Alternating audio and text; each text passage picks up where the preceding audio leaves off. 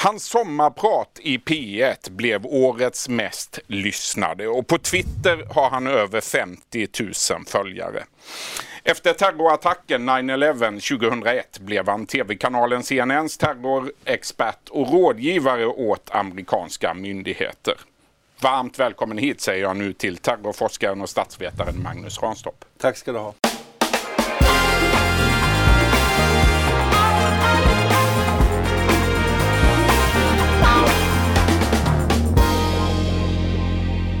Ja, du, vi ska börja ändå i Oslo. Det finns ingenting som tyder på att det här skulle vara ett terrordåd. Det är polisen nu tydlig med. Hur reagerade du eh, när du för ett par timmar sedan fick nyhetsflasharna? Jag satt i ett möte och uh, tittade och uh, naturligtvis så blir man alltid misstänksam att här har du en bil som kör på fotgängare. Och, vi har sett det förut. Vi har sett det förut men, men djävulen sitter alltid i detaljerna. Uh, vi måste veta vem är det som ligger bakom detta och det verkar ju vara nu som att det inte är mm. terrorrelaterat.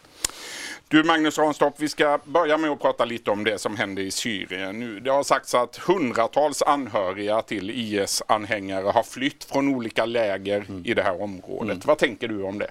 Nej, alltså det finns ju tre olika läger. Eh, vi har Ain Issa-lägret som har, där vi hade 800 härom, häromdagen.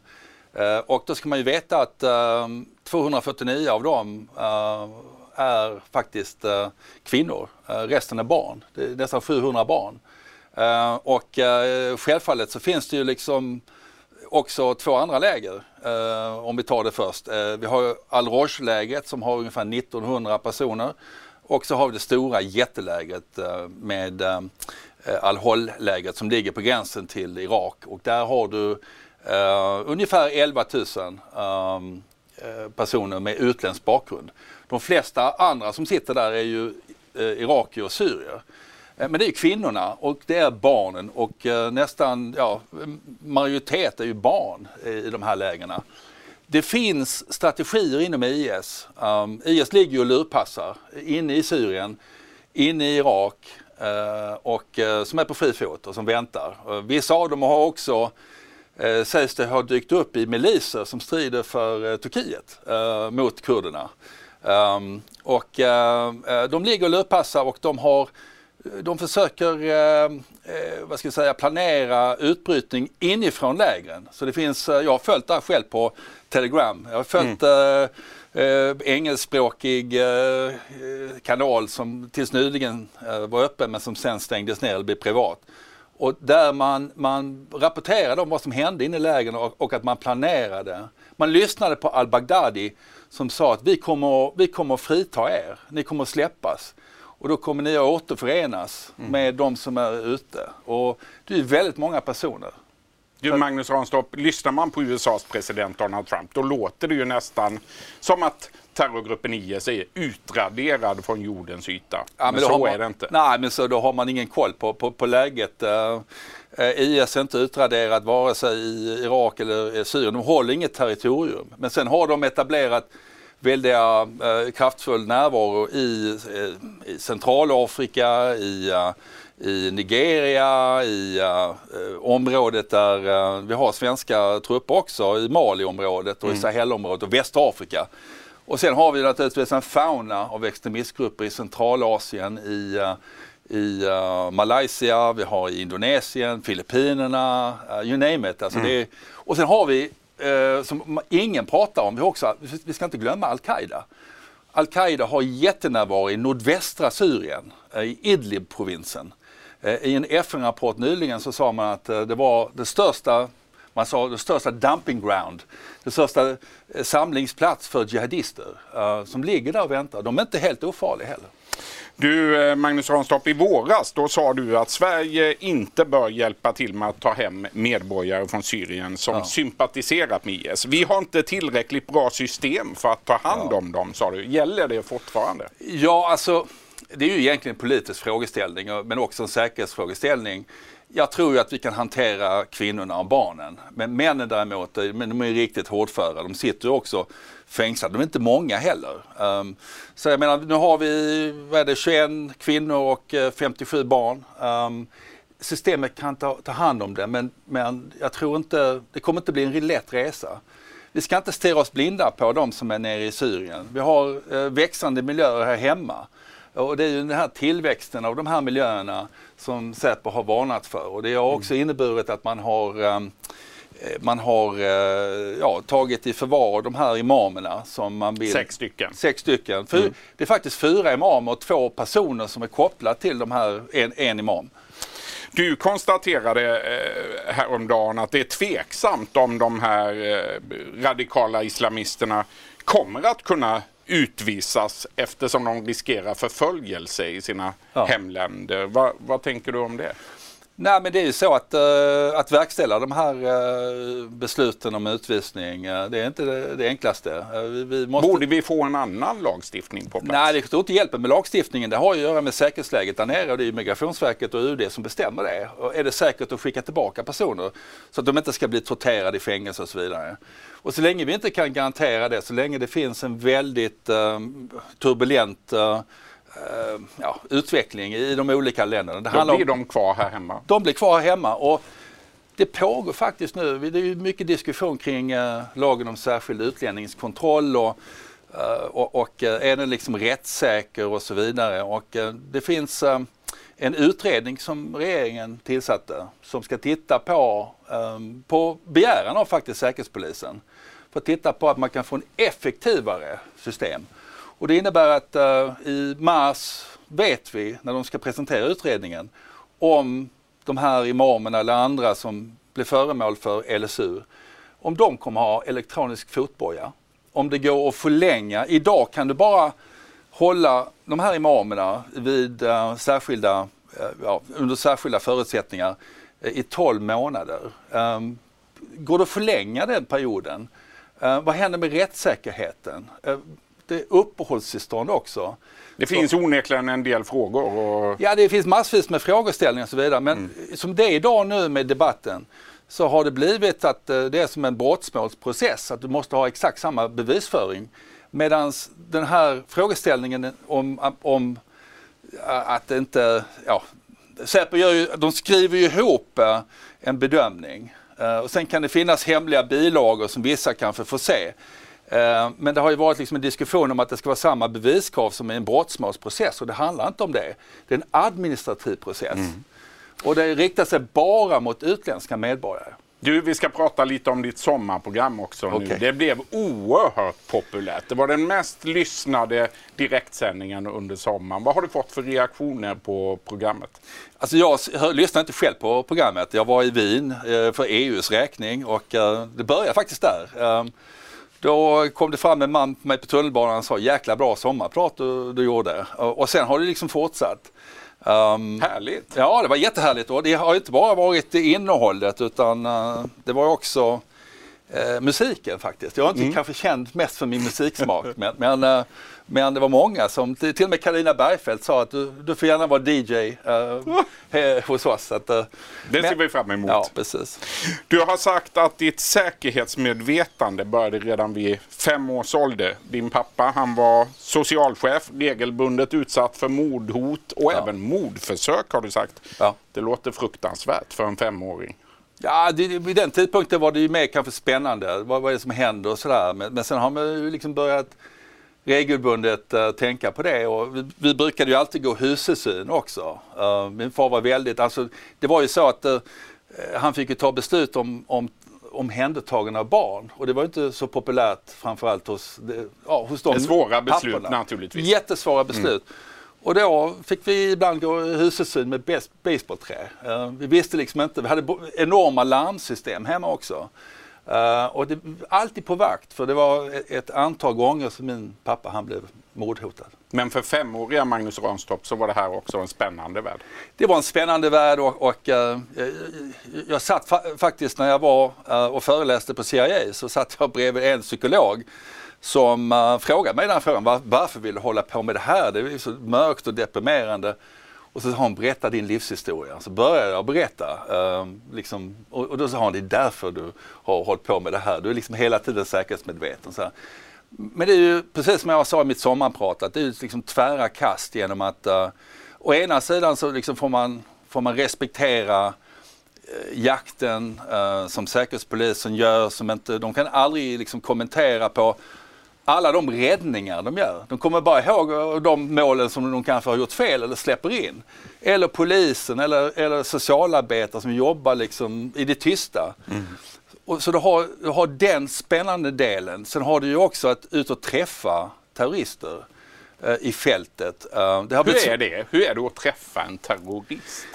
Ja, alltså det, de, de är ju människor också så man får liksom skala av där lite grann. De är människor, de, de, de är väldigt, det beror på vem du träffar också. Um, jag hade ju jag hade ju lite olika uppdrag i Libanon uh, och det var lite mer skarpt läge för att uh, det, det, är inte att, att, ha kontakt med två sidor som är fiender med varandra uh, och vara neutral, vara budbärare.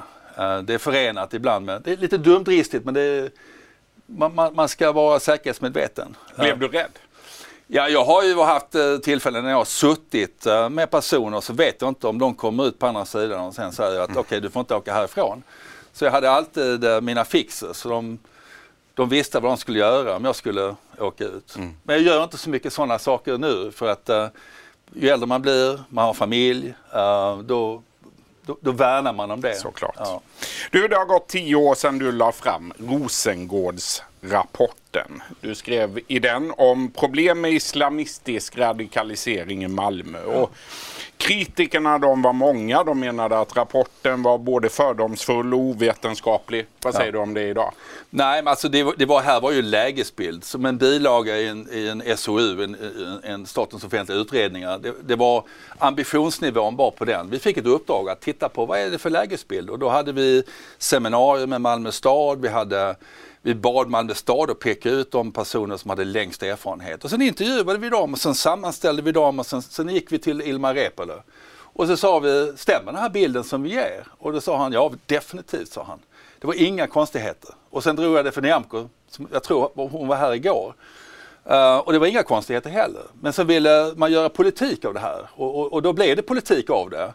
Uh, och det var väl i det baksuget som vi kom in. Problemet var när de här kritikerna kom så var jag på väg till Indonesien och, och, och eh, för att träffa världens största, ledaren för världens största muslimska organisation, Nadlatul Ulema, med 70 miljoner följare. Så när det haglade islamofobi-anklagelser så satt jag med ledaren för världens största muslimska organisation som har sen också bjudit tillbaka mig till att, till att uh, hjälpa till i kampen inom islam, mm. moderata islam, till att kunna hålla stången.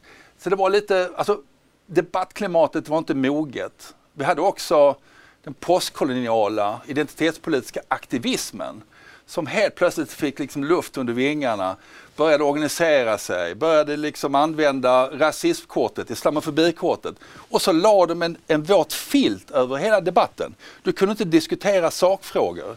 Och det var ju naturligtvis frustrerande. Men mm. jag visste ju Alltså, för mig har det varit uh, en, en, intressant resa. Ibland har det inte varit speciellt roligt men när man vet att man har, när man tror att man vet att man har rätt och när man ser verkligheten i vitögat om att det finns, om man lyfter på locket, det finns islamistisk radikalisering.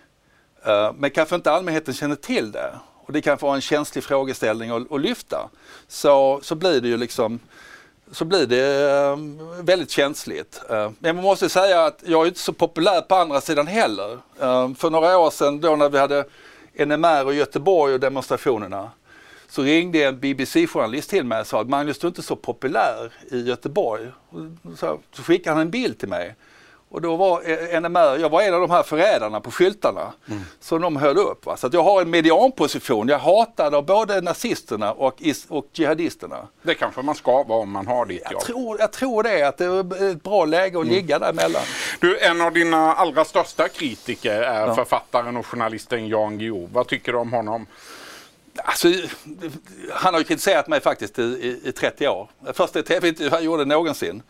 Uh, så ifrågasätter han I 30 år? Nej, 30 år. Uh, men han har ju mest hållit på han har ju mest hållit på på 2000-talet. Och jag gjorde ju en intervju när jag jobbade för CNN.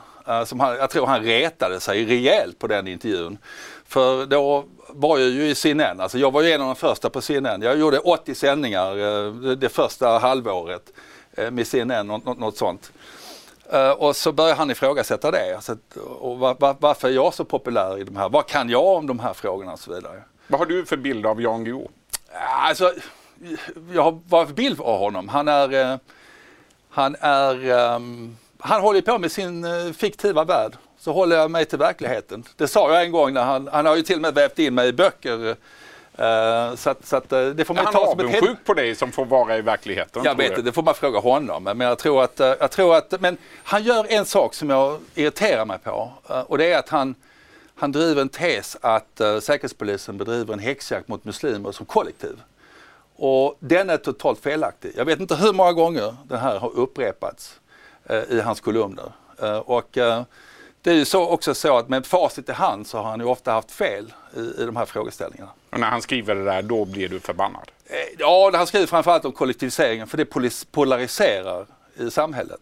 Mm. Så att, eh, ja. du, eh, du är väldigt aktiv på Twitter. Du har över 50 000 följare som sagt och du deltar i samhällsdebatten på många olika sätt i sociala medier. Du skriver mycket om lagen om särskild utlänningskontroll som du var inne på i inledningen här. Hur tycker du att den lagen fungerar idag?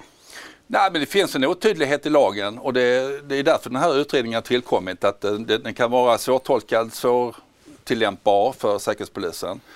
Um, den är inte idealisk men den, den tillkom i en period där vi hade spioner och även också terrorister som var utländska medborgare som man kanske ville få väck från landet, eh, det vill säga att de bedrev subversiv verksamhet. Och, och um, jag tycker att uh, ja, det, det, är det, det, är det som finns tillgängligt och det är det som man kan tillämpa. Det kan man inte klandra någon för.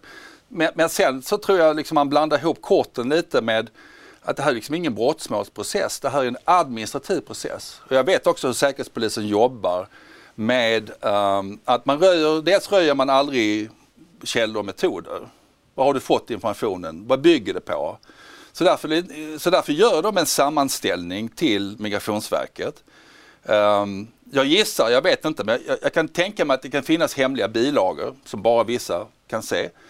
Och sen måste de övertyga Migrationsverket och sen så går det sen till, om det överklagas till Migrationsöverdomstolen. Men det blir, och där har du en öppen bevisföring. Och där kan det ju tillkomma frågor från alla. Där kan också försvaret presentera sin sida av, uh, av, av uh, varför personen inte är involverad i olika frågor. Men, och sen då så ska regeringen verkställa det här. Uh, jag tror ju inte de här individerna kommer att uh, utvisas för det går inte på grund av mänskliga fri och rättigheter i, i de här länderna. De må, måste också acceptera att man tar emot dem.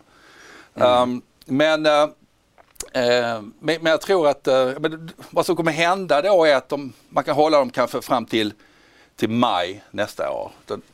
och sen kommer de släppas ut och sen kommer de säkerligen få anmälningsplikt. Och nu försöker man modernisera det genom den här utredningen de kanske ska ha elektronisk fotboja istället. Mm. Vi vet inte var det landar någonstans. Men jag, jag tror att det, det, är det bästa, det bästa vi har mm. hittills.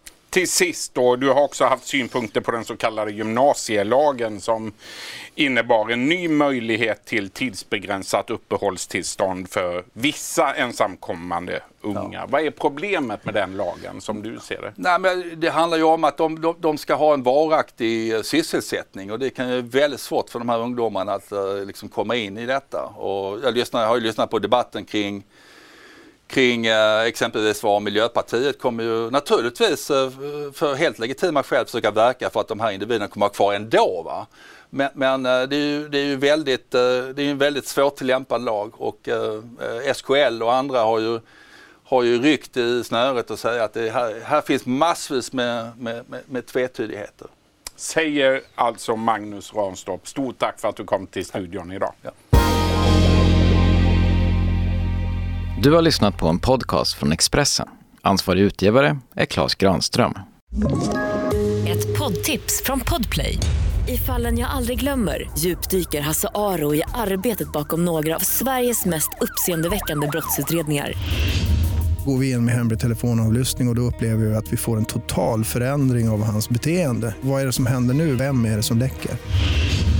Och så säger han att jag är kriminell, jag har varit kriminell i hela mitt liv men att mörda ett barn, där går min gräns.